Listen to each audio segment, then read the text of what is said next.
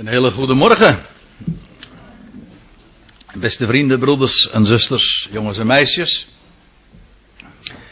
Goed u hier weer te treffen. Uitgerust. Al of niet met gebruinde gezichten. Van de zon. Dan wel van de regen. Want dat, dat roest dan weer, hè. Ik wil u graag meenemen naar een merkwaardige geschiedenis. En eigenlijk zou ik dan twee hoofdstukken moeten lezen en die beide zijn nogal lang. Dat gaan we dus maar niet doen. Ik stond dus een beetje voor een probleem bij het behandelen van dit, van dit verhaal, want het, de geschiedenis waar we het over hebben, namelijk hoe Saul tot koning gezalfd wordt, vinden we in zowel 1 Samuel 9 als 10. Dat die twee hoofdstukken vormen één geheel. Je zou het ook een tweelui kunnen noemen. Maar ik heb me de vrijheid veroorloofd om het verhaal dan toch maar in tweeën te knippen. En ons te beperken tot het negende hoofdstuk van 1 Samuel 9. En zojuist zei Ron al van dat we zouden bedenken die, de dingen die boven zijn. Nou, dat het bergje, de bergen zo op het plaatje waar u, naar u al eh, enige minuten hebt kunnen kijken, bracht ons al in die sferen, zeg maar. Nou, het hoofdstuk waar we het nu over hebben eigenlijk ook, want we gaan dan inderdaad de hoogte op. En in de dubbele zin van het woord. Ik kom daar straks nog wel even op terug. Eigenlijk zou je kunnen zeggen dat 1 Samuel 9 gaat over de geschiedenis dat Saul, hij komt voor het eerst in de Bijbel hier voor, Saul die de ezelinnen zoekt van zijn vader. En hij. Nou, we zouden wellicht het beste gewoon bij het eerste vers kunnen beginnen. Want ik kan natuurlijk wel allerlei achtergrondinformatie uh, daarover geven. Maar Laten we, laten we het eens lezen. Het is een vrij lang hoofdstuk, dus ik kan ook niet bij alles al te uitgebreid eh, stilstaan. Soms gaan we er snel doorheen. En het is nog steeds vakantietijd, dus ik kreeg anderhalf uur of zo, is het niet Peter? of twee uur? nee hoor, we, doen dat heel, heel fatsoenlijk allemaal. Maar in vers 1 van 1 Samuel 9, daar lezen we dit. Er was een man uit Benjamin, Kis geheten de zoon van Abiel, de zoon van Zeror, de zoon van Bekorat, de zoon van Aviach. Nou, dan weten we dat ook weer. En dan weten we in ieder geval over wie we het hebben. En wat zijn afkomst was. Nou, over de betekenissen van die namen, daar gaan we het niet hebben. Hij was in elk geval, een, hij woonde niet alleen maar in de, het gebied van Benjamin, hij was zelf ook een Benjaminiet.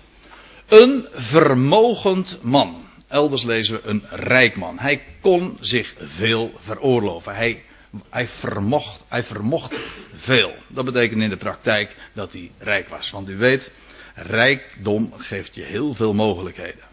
Aardse rijkdom trouwens maar heel beperkt uiteindelijk. Want uh, de belangrijkste dingen kun je er niet mee verkrijgen. Maar hoe dan ook, deze Benjamin niet was een vermogend man. En deze had een zoon, Saul geheten. Saul betekent gevraagd. En die was jong. Hij was schoon, dat betekent mooi. En staat er onder de Israëlieten was er niemand schoner dan hij. Of er ooit een wedstrijd was gehouden, weet ik niet. De tekst lijkt het te suggereren. Maar in elk geval, hij was, uh, hij was een zeer knappe man. Niemand schoner dan hij. En er staat er ook nog bij, hij stak een hoofd uit boven al het volk. Wij zouden zeggen, hij stak met, kan je ook zeggen, hij stak met kop en schouders boven iedereen uit. En als ik het zo zeg, dan klopt dat eigenlijk aardig, want als u het in de Statenvertaling ook leest, dan zie je die formulering, en dat blijkt precies ook de formulering te zijn die we vinden in de in de, in de grondtekst. Er staat namelijk letterlijk van, in ouderwets Nederlands, hè, moeten we even rekening houden, van zijn schouderen, van zijn schouders en opwaarts was hij hoger dan al het volk. Zo staat het in het Hebreeuws, zeg maar, geformuleerd. Dus inderdaad, een zeer groot man. Hij keek op iedereen neer. Maar dan in de letterlijke zin des woords dus. Hè. Nu waren er van, nu waren van Kis, de vader van Saul, de ezelinnen zoek geraakt. Letterlijk staat er, ze waren verloren. En toen zei de kist tot zijn zoon Saul: Neem toch een van de knechten mee. Ga heen en zoek de ezelinnen. Dat is heel eigenaardig. Eigenlijk, dat wilde ik zojuist al even zeggen, maar bij deze moet ik dan de opmerking dan toch maar maken. Dat deze geschiedenis gaat over hoe Saul koning wordt over Israël. Trouwens, Saul was degene die ook de, daarmee de richterenperiode afsloot. Hij was de eerste koning van Israël. Bij hem begon het koninkrijk van Israël. Maar de wijze waarop dit dan verhaald wordt, die hele eigenaardige geschiedenis over het feit dat hij ezelinnen ging zoeken. Maar u begrijpt wel dat dat niet alleen maar een, een verhaal is of alleen maar een historie is, zo is het gegaan. Nee, het loutere feit dat die dingen gecombineerd worden, gelinkt worden met elkaar, betekent, op voorhand kun je dat al vaststellen, want in de Bijbel staat namelijk niks voor niks, dat dat een betekenis heeft. Hij ging ezelinnen zoeken. Eigenlijk vinden we een soortgelijke geschiedenis, maar nou niet een soortgelijke geschiedenis, maar een soortgelijke achtergrond bij David. Was ook een herder, een goede herder, die zijn leven inzette letterlijk voor zijn schapen. Nou, eigenlijk is dat hier ook het geval. Saul wordt eigenlijk geïntroduceerd als een goede herder. Iemand die op zoek gaat naar het verlorene.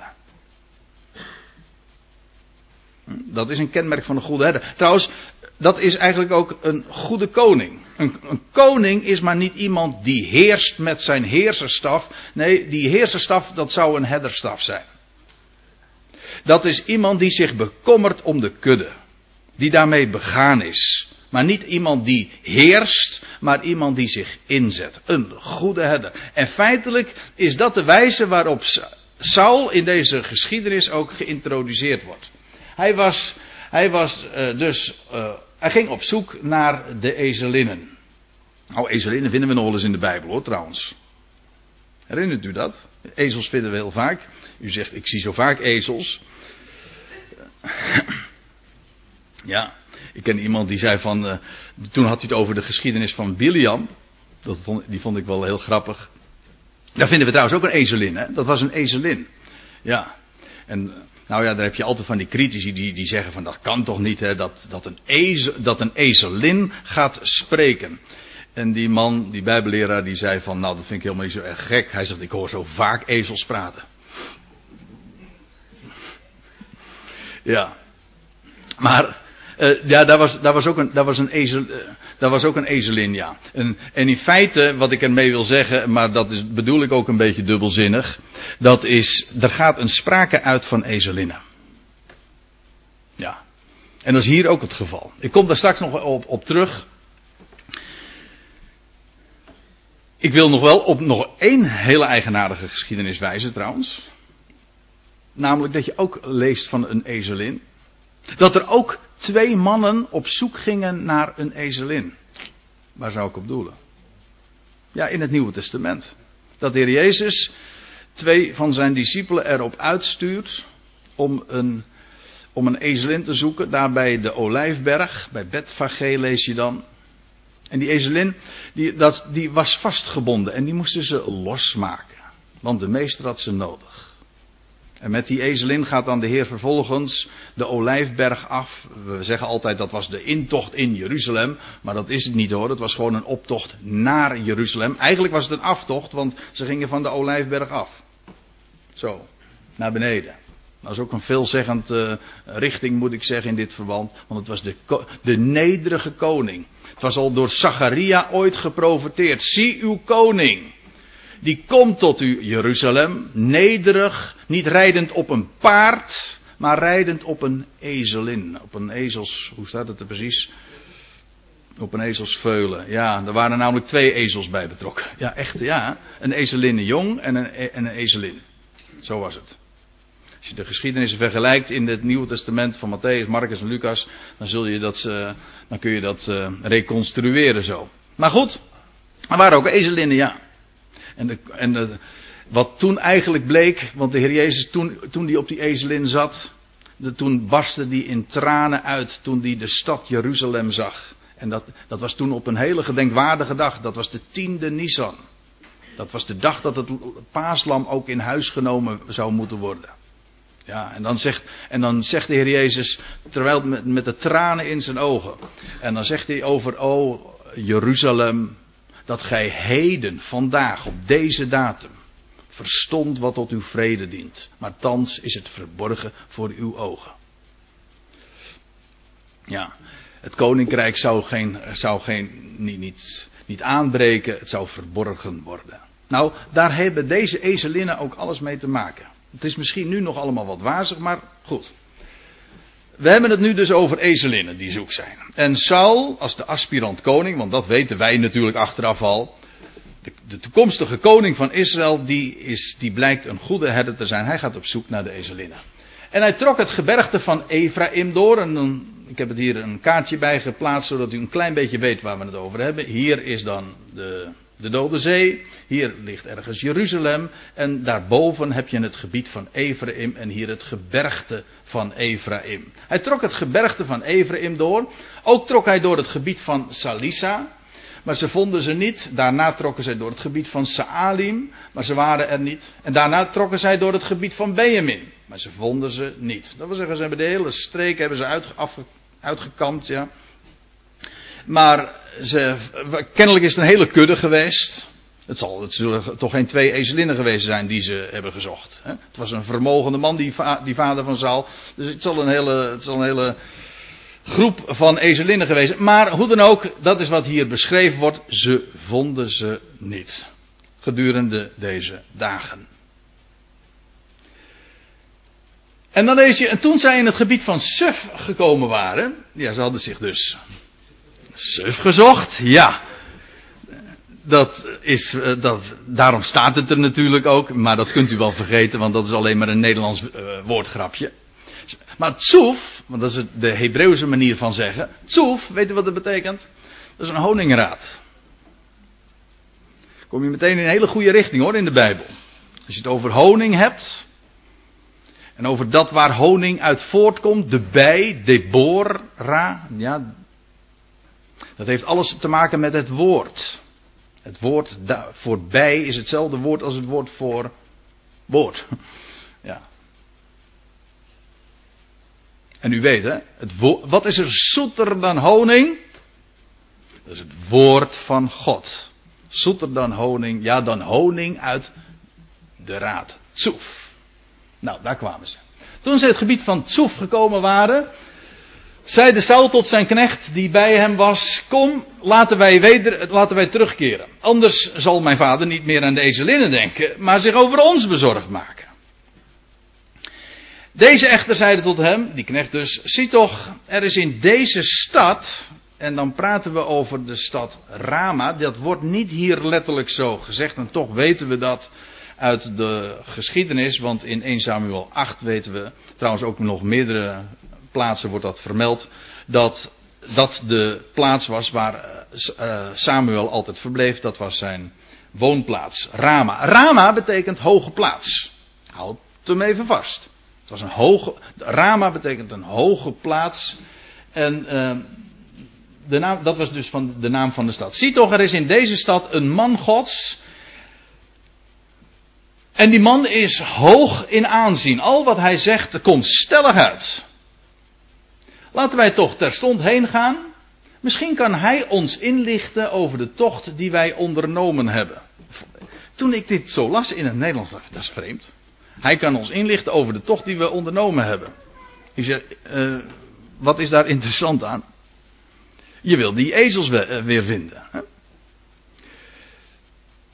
Ja, dat is net zoiets dat je het, het, uh, het weer van gisteren wil weten. Hm? Nee, ik ben altijd geïnteresseerd wat het, gaat worden. Bijvoorbeeld dinsdag voor de barbecue. Dat, dat wil je weten. Maar dat is wel dan leuk. Dan kijk je in de Statenvertaling en daar staat.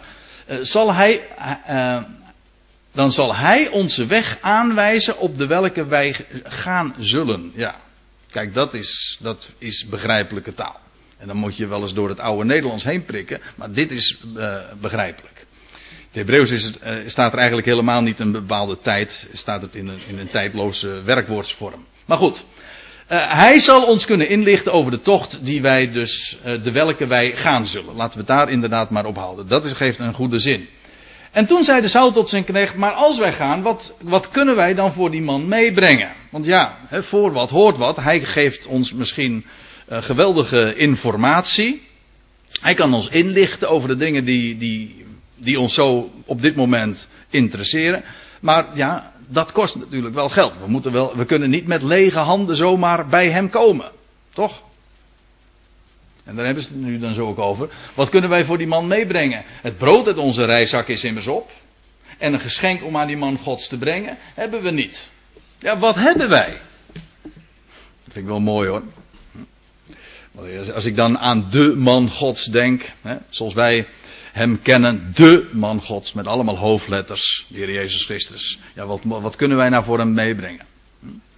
Nou, het antwoord is, wij hebben alleen maar lege handen. En dat is precies de bedoeling. Zodanig dat hij ze kan vullen. Daar gaat het juist om. Dat is de hele essentie. We vinden dat eh, heel vaak natuurlijk in de Bijbel. Was, was het niet Naaman die ooit toen in zijn dagen ook bij de man Gods wilde komen en dacht ook geschenken te moeten meebrengen. Maar uh, de man Gods weigerde dat. De dingen van God zijn nooit te koop. Hij geeft ze gewoon gratis. Dat is de essentie van de Bijbelse boodschap. Gratis. Genade. Puur om niets. Wij denken van ja, maar dat gaat toch zomaar niet. Dat moet je wel verdoen, dan weet ik wat al. al gewoon, dat, dat heet religie. we gaan ons best doen voor God en, en, enzovoorts. En God geeft gewoon. Puur om niet. Nou, dat, Saul had dat niet in de gaten, die knecht van hem evenmin. Maakt niet uit, want vers 8 lees je dan ook nog, eh, de knecht richtte zich nogmaals, uh, richtte nogmaals het woord tot Saul en dan zeide, zie ik heb nog het vierde deel van een zilveren sikkel bij mij. Een kwartje zeg maar, een zilveren kwartje. Uh, ik zou dit de man gods kunnen geven, dan zal hij ons over onze tocht inlichten. Zo, van nou, daar zal hij dan wel tevreden. Misschien niet zo heel veel, maar dan toch in elk geval een klein beetje. Hè? Maar dat maakt niet uit. Kijk, de essentie van genade is, het is om niet. En ik zeg wel vaker, en nu heb ik het ongetwijfeld wel eens vaker uit mijn mond gehoord, maar bij deze zeg ik het dan toch nog maar een keertje. En we kunnen ons zelf daar ook niet vaak genoeg aan herinneren. Een beetje gratis bestaat niet. Iets is gratis, of het is niet gratis. Maar een beetje gratis, dat is een onmogelijkheid. Het is dus niet zo dat als je nou maar een, klein, een kwartje geeft, dat is een beetje gratis. Hm, het is zwart of wit.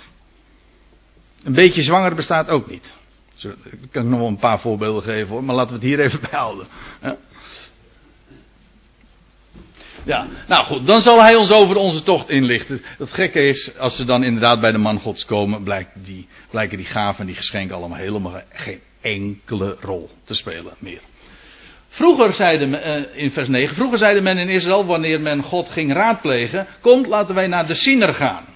Want de profeet van tegenwoordig werd vroeger Siner genoemd. Hieruit blijkt trouwens dat deze geschiedenis veel later nog weer is opgetekend. En hier wordt eigenlijk een toelichting gegeven van ja, in de dagen van Saul werd zo iemand nog een Siner genoemd. Vandaag heet het een profeet, iemand die het woord spreekt.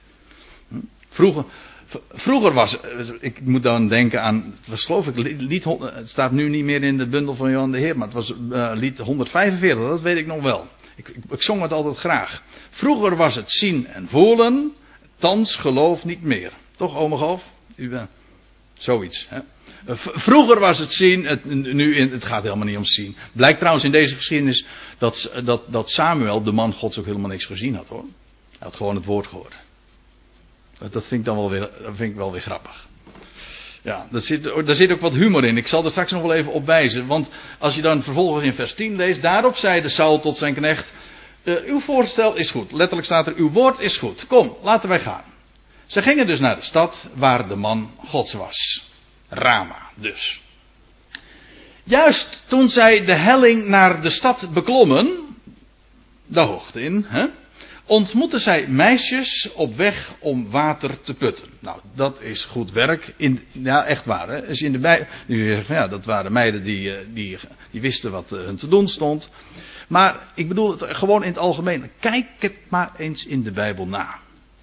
Als je misschien uh, nog uh, goed op de hoogte bent van alles wat u op de zondagschool ooit verteld is, dan kunt u zich ongetwijfeld nog wel een aantal geschiedenissen herinneren van, van meiden, die, meisjes, maagden, die, op, uh, die water gaan halen. Ja, twee emmertjes water halen, hè. Nee, die, die water gingen putten. En daar is vaak heel wat mee aan de hand. Ze gingen, eigenlijk, het komt er feitelijk gewoon op neer, ze gingen naar de bron. Dat is wat er geestelijk gezien ook achter zit. Dat blijkt ook altijd een hele rijke plaats te zijn. Waar hele bijzondere dingen gebeuren. Dat kunt u aan mij vragen, maar weet je aan wie je het nog beter zou kunnen vragen? Nou, ik kan heel wat voorbeelden geven. En Jacob. Wie vond hij er? Zijn vrouw, beste vrienden. Rachel. Hij vond Rachel bij de bron. Mozes later vindt zijn vrouw ook bij de bron. Het is de beste plaats waar je vrouw kan vinden. Bij de bron. Met hoofdletters dan uiteraard, hè. Ja. En goed, deze meisjes die gingen op weg om water te putten. En dat zou uh, dus al op voorhand al moeten betekenen, hè, als, je het, uh, als je ook even de diepere laag meteen aanboort, dat zij dus uh, ook wat te vertellen hebben. En dat blijkt ook, want wat, zeg, wat zij zeiden tot haar, of wacht even, dat zei de Saul en zijn knecht tot haar, is de ziener hier? En toen antwoordde zij: Ja, zie, hij is u voor. Haast u nu, want hij is vandaag in de stad gekomen. Omdat het volk vandaag een offermaal heeft op de hoogte. Nou staat letterlijk gewoon een offermaal. Letterlijk staat een offer. In de praktijk was. Dat kunnen we uit de Bijbel opmaken. Het was een vredeoffer. Een, een, een vredeoffer, dat is een offer waarbij het heel, waaraan het hele volk ook deel mocht hebben. Waar ze gezamenlijk als, als volk dus uh, aan deel hadden. Ja, dat was een, een vredeoffer. Nou, dat wordt hier genoemd een offermaal op de hoogte. Ja, een hoge plaats. En laten we even nou meteen eventjes deze geschiedenis plaatsen. Zo af en toe doen we dat eh, bij de bespreking van dit hoofdstuk. In het licht van het Nieuwe Testament. Wat is het offer van de Heer Jezus Christus? En nou niet te gauw antwoorden van, oh dat was het kruis op Golgotha. Want, ik zeg u, dat is geen correct antwoord. Nee, dat wordt altijd gezegd, maar is geen correct antwoord. Wat op Golgotha plaatsvond, was niet het offer, maar was de slachting van het offerdier tussen aanhalingstekens, was de slachting van het offer. Het offer, namelijk wanneer het vervolgens op de hoogte geplaatst werd, een altaar, een verhoging, en wanneer het vervolgens opsteeg goden tot een liefelijke reuk, dat vond plaats na de slachting. Toch? Eerst een dier wordt geslacht, het bloed vloeide, en daarna werd het op de hoogte geplaatst en steeg het op, verrezen goden, lees je dan standaard die uitdrukking, voor God tot een liefelijke reuk. En, en mensen zeggen, het offer van de Heer Jezus, dat is het kruis op Golgotha. Dan zeg ik, nee, eigenlijk niet. Dat was noodzakelijk voor het offer. Golgotha, dat is de slachting van het lam. Het offer, dat is wat daarna plaatsvond toen hij verhoogd werd. Toen hij opstond uit de doden. Toen hij verrees en opging tot God. En dat was de liefelijke reuk voor God. Niet de slachting, nee zijn opstanding, het nieuwe leven dat hij aan het licht bracht. Dat was de liefelijke reuk voor God. En ja, dat vond plaats op de hoogte. Daarom heb ik het er ook eventjes vet gedrukt hier op, de, op het scherm. Op de hoogte. Want daar heeft het offer mee te maken. Met de hoge plaats. Daar waar de Heer Jezus Christus is.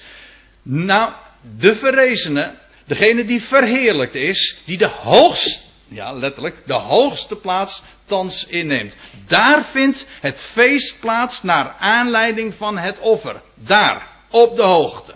En nou bedenken we dus, waar we nu over hebben, en ik, ik pak weer even de woorden van Ron op. we hebben het dus inderdaad, we bedenken nu de dingen die boven zijn. We hebben het nu over, over de Heer Jezus Christus die daar, daar gezeten is. Ontrokken aan het oog. We zien hem niet. Nee, maar hij is daar op de hoogte. En wat doet hij daar feitelijk? Wel het feest vieren naar aanleiding van het offer dat gebracht is. Ja, nou. Ja, ik moet doorlezen. Uh, want we zijn er nog niet hoor. Eh, zodra gij de stad inkomt, zult gij hem vinden, zeggen die, die meisjes. Zodra gij de stad inkomt, dan zult gij hem vinden voordat hij de hoogte opgaat om te eten. Want het volk eet niet voordat hij gekomen is. Hij zegent namelijk het offer, daarna eten de genodigden. Nu dan, ga heen, want ge zult hem dadelijk vinden. En precies zoals die meisjes het zeggen, gebeurt het inderdaad ook. Zo zie je, weet, zij wisten inderdaad. Uh, zij wisten inderdaad. Uh, ja, ik wou haar zeggen waar Abraham de mosterd vandaan haalt, maar dat is dan een beetje een rare beeldspraak. Ze wisten inderdaad waar ze het water moesten zoeken. Ja. Zij gingen dan naar de stad en toen zij de stad ingingen, nou gaat het dus weer over de, over de knecht van, Sa van Saul en Saul zelf. Zij gingen dan naar de stad en toen zij de stad ingingen, kwam Samuel juist naar buiten. Want over deze man Gods hebben we het natuurlijk. Hè. Tot dusver is zijn naam niet genoemd, maar het gaat over Samuel. Kwam Samuel juist naar buiten hun tegemoet. Hey, dat veronderstelt dat hij al wist kennelijk dat ze zouden komen. Ja. Om de hoogte op te gaan. Nou, dat is ook zo, want uh, laten we maar verder lezen. De Heere nu had één dag voor de komst van Saul aan Samuel geopenbaard. Zou je zeggen, in een visioen heeft hij dat gezien? Hij was een ziener. Nee, nee dus weet je, weer, weer verwijs ik eventjes naar de Statenvertaling. Je weet u wat er in de Statenvertaling staat? De Heer had het voor Samuels oor geopenbaard. Toen ik dat zo las, draait zich. Ja, inderdaad, het was niet zien. Het was horen. Samuel had geen visioen gezien, het was horen.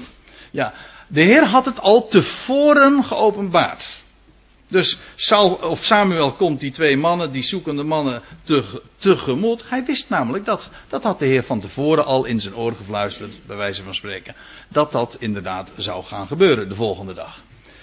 Uh, oh ja, wat, er dus, wat had hij in Samuels oor geopenbaard? Wel, morgen om deze tijd zal ik een man uit het land van Benjamin tot u zenden. Hem zult gij tot vorst over mijn volk Israël zalven. Tot gezalfde maken. In het Hebreeuws tot Mashiach. Als ik het in het Grieks zeg, tot Christus maken. Dan weten we meteen ook waar we het over hebben. Over de koning van Israël. En hij zal mijn volk verlossen. In dit geval ook van Zal uit de macht van de Filistijnen. Want ik heb acht geslagen op mijn volk. Omdat zijn hulpgeroep tot mij is doorgedrongen. Kijk, ik zeg bij deze gelegenheid nog een keer.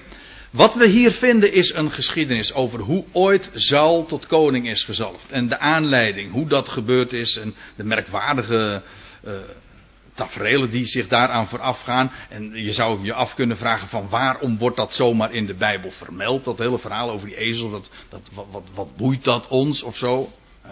Is dat voor de geschiedenis nou zo belangrijk? Nee, voor de geschiedenis misschien niet. Maar het gaat juist om waar het naar verwijst.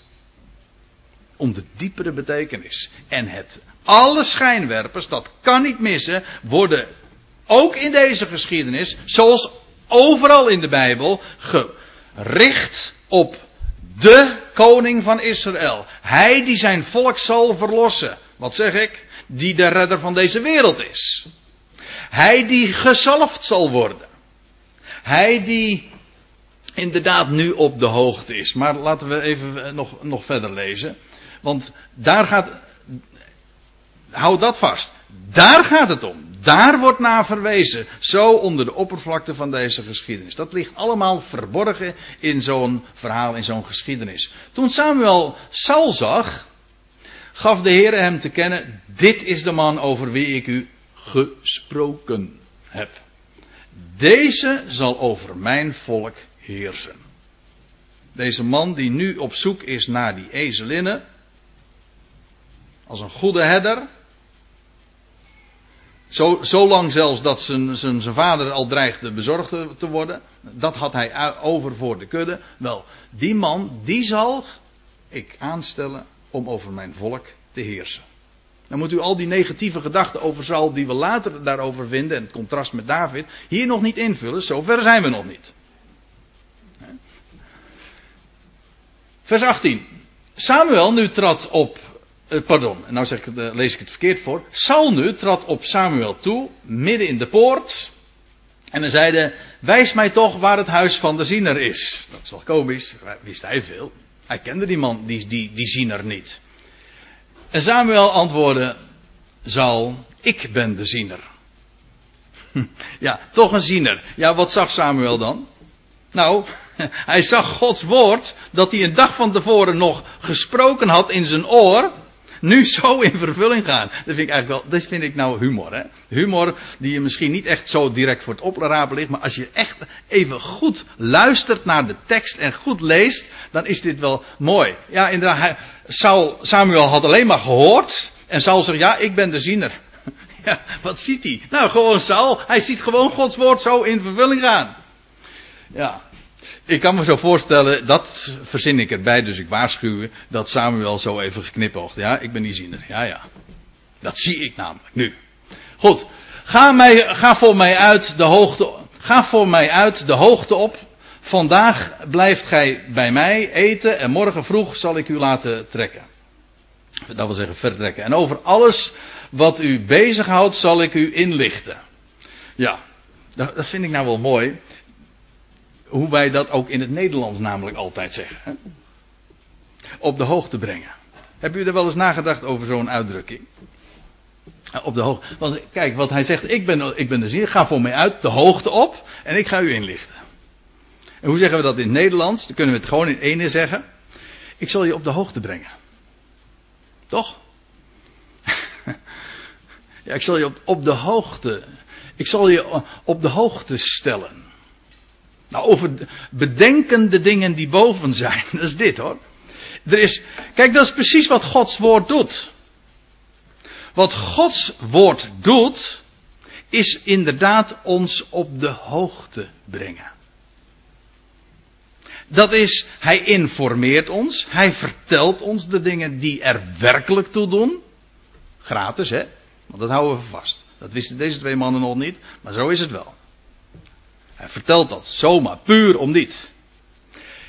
Hij, hij ligt ons in, ja, maar juist door dat te doen, stelt hij ons op de hoogte. Hij vertelt ons wie wij zijn in Christus. Die daar gezeten is boven alle overheid en macht. En wij zijn geplaatst. Wij, wij die ons geloof hebben gevestigd op Hem. Ik ga er even vanuit dat u dat allemaal gedaan hebt. Want ik bedoel, het is geen kwestie van kerklidmaatschap of zo. Ik zit nou in die samenkomst. Nee, dat is persoonlijk. Hè? Dat je, je je vertrouwen vestigt op Hem. Wel, degenen die dat gedaan hebben, die weten in, vanuit Gods woord, hè, die ons inlicht, dat wij met Hem daar ook op die hoogte geplaatst zijn. Juist doordat Hij zijn woord spreekt, ja, dan, staan wij, dan worden wij geplaatst in Christus. Dat, dat is wat, wat Gods woord ons, ons vertelt over onze positie. Ja, maar juist doordat we dat weten, worden we eigenlijk ook. Dat, hoe vaak gebeurt het niet? Laten we nou wel wezen. we zijn allemaal maar mensen, we zijn allemaal maar zwak. We hebben allemaal te maken met, met van alles en nog wat, sores, et cetera. Ja, weet je wat Gods woord nou doet? Niet onze, onze probleempjes oplossen. Daar gaat het ook helemaal niet om, weet u dat? Weet u wat die Gods woord doet? Het tilt ons er gewoon bovenuit. niet, niet die problemen oplossen, hij tilt ons daar bovenuit. En hij stelt ons op de hoogte. Met de beide betekenissen die erin zitten in, in onze Nederlandse taal. Inderdaad, hij stelt ons op de hoogte. En dan ineens kijk je tegen alles anders aan. Wordt alles, al, wordt alles hier wordt ineens ook een stukje. Ja, zo gaat het. Hè? Eh, dat is altijd een mooie ervaring als je ergens op een hoge plaats staat en je gaat dan naar dat gekrio. Ik was van de week nog op een flat. Dat is niet eens zo heel erg hoog, maar dan, bij een vriend van me, op, die woont 12 hoog. En dan kijk je naar al dat gekrioel en zo. En, eh, ja. En dat, dat krijgt altijd iets, iets ja, daar ga je schouders over ophalen. Nou, dat is nou het mooie als je op de hoogte gesteld wordt. Hè? Die, eh, er staat in de Bijbel, die in de hemel zetelt, dat is echt hoog hoor, die lacht. De Heer, ja precies, dat, dat is precies de ervaring ook die je, die je hebt. Wanneer je op de hoogte gesteld, dan ga je op de, dan ga je op de dingen neerkijken. En dan, misschien vinden mensen, ja, dat, als je dat dan vertelt, niet zo leuk. Hè? En dan zeggen ze van, wat doe je uit de hoogte? Ik zeg, ja, dat klopt. je doet zo uit de hoogte. Ja, precies, daar ga je op neerkijken. Op een heleboel dingen waarvan mensen zeggen dat is zo belangrijk. Ja, maar als je op de hoogte gesteld bent, als je weet hoe de dingen zitten, en als je weet wie Hij is en wie wij zijn in Hem, dan ben je met recht op de hoogte gesteld. Nou, ik, ik, moet, even, ik moet verder lezen. Maar nou, we gaan naar vers 22. Wat uw, e- ja, dat wordt mooi hoor. Wat uw ezelinnen betreft, die sinds drie dagen zoek zijn. Ik, ik verwijs weer naar de Statenvertaling. Er staat namelijk letterlijk dit. Die gij heden, de derde dag, daar heb je hem weer. Het is waarachtig iedere keer, joh. Zo. Heden, de derde dag, verloren hebt. Ja. Nou, staat er dan bij, maak u daarover niet bezorgd, want zij zijn terecht. Dat, gaat, dat is trouwens in de Bijbel altijd zo. Kijk maar na in welke geschiedenissen. Ja, Lucas 15 is een schitterend hoofdstuk. Maar dan zul je altijd zien of het nou een schaapje betreft, of een penning, of een zoon. Al, al het verloren in de Bijbel wordt altijd weer gevonden. Kijk, het de Bijbelse boodschap is dat God het verlorene zoekt. Maar de blijde boodschap is dat hij niet een loser is. Nee, hij is een winner. Hij is iemand die het verlorene zoekt. Hoe lang? Hoe was het ook weer? Hoe was het met die goede herder? Hij zocht het verloren schaapje.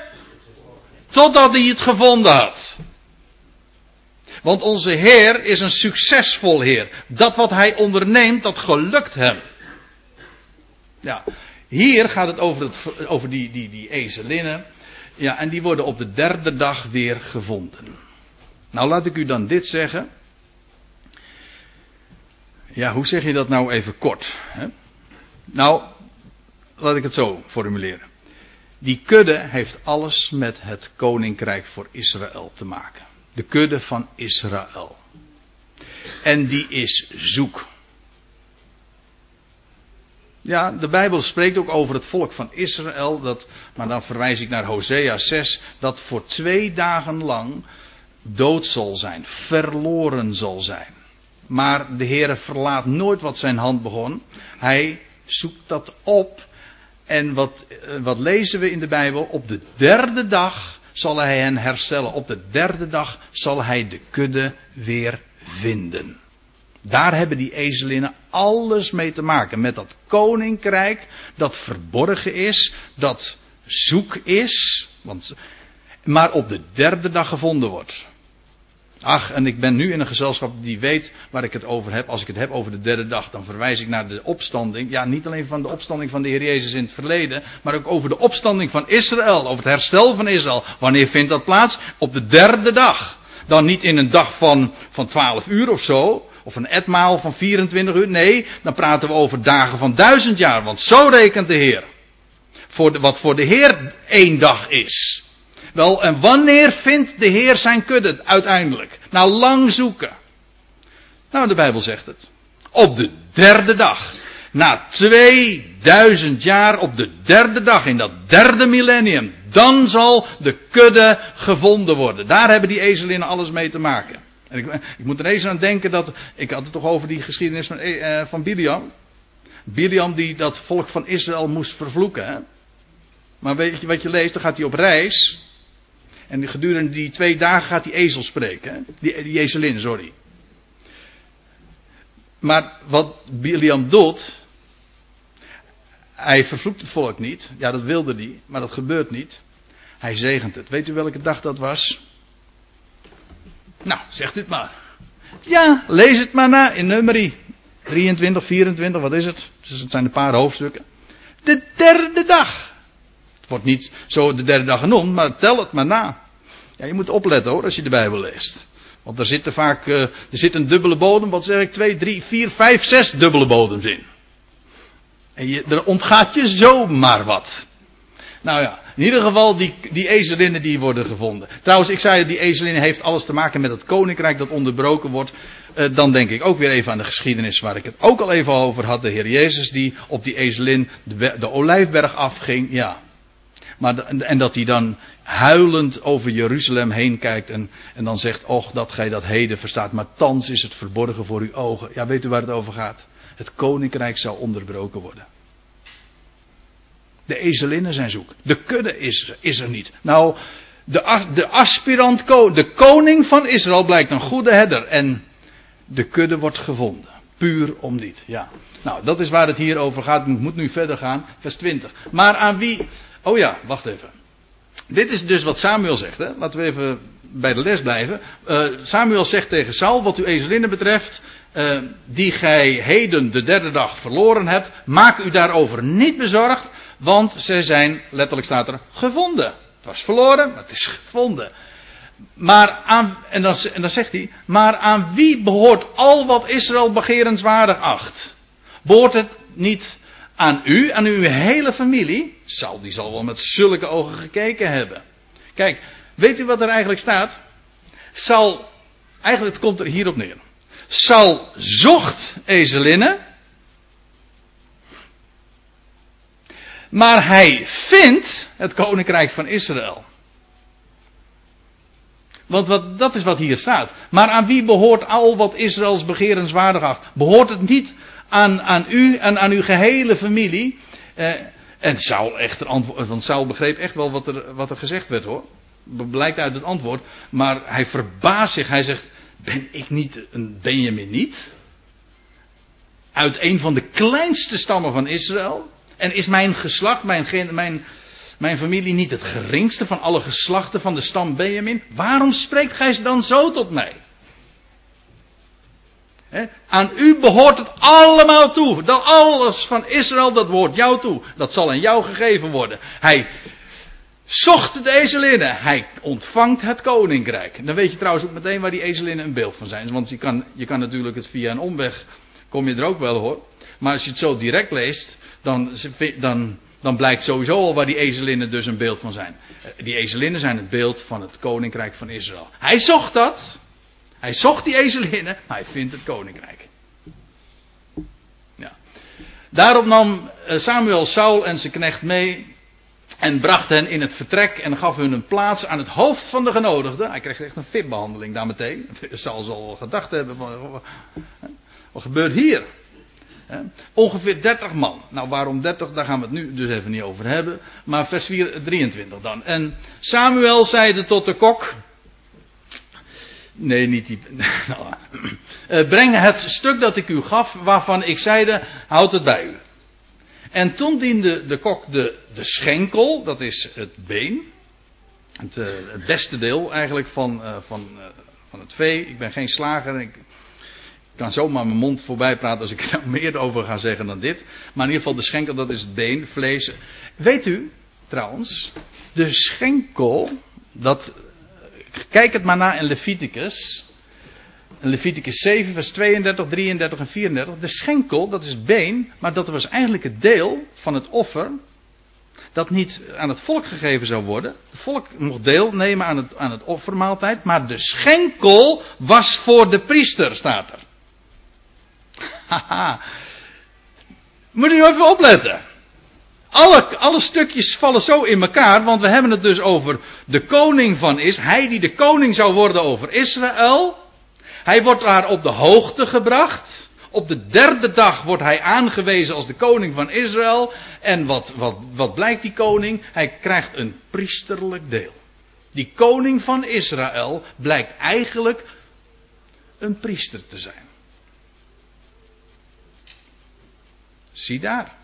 zie daar al meteen dat geweldige zicht dat we krijgen op de Mashiach, de gezalfde, de Heer Jezus Christus. Die inderdaad de koning is, maar hij is thans op de hoogte de priester. Daar krijgt hij het beste deel, het priesterlijke deel. De koning-priester naar de ordening van Melchizedek. Schitterende thema's in de Bijbel, maar hier wordt dat zomaar in zo'n verhaal, terwijl je er zo overheen zou lezen, dat geef ik direct toe. Maar daarom hebben we het er nu toch ook over.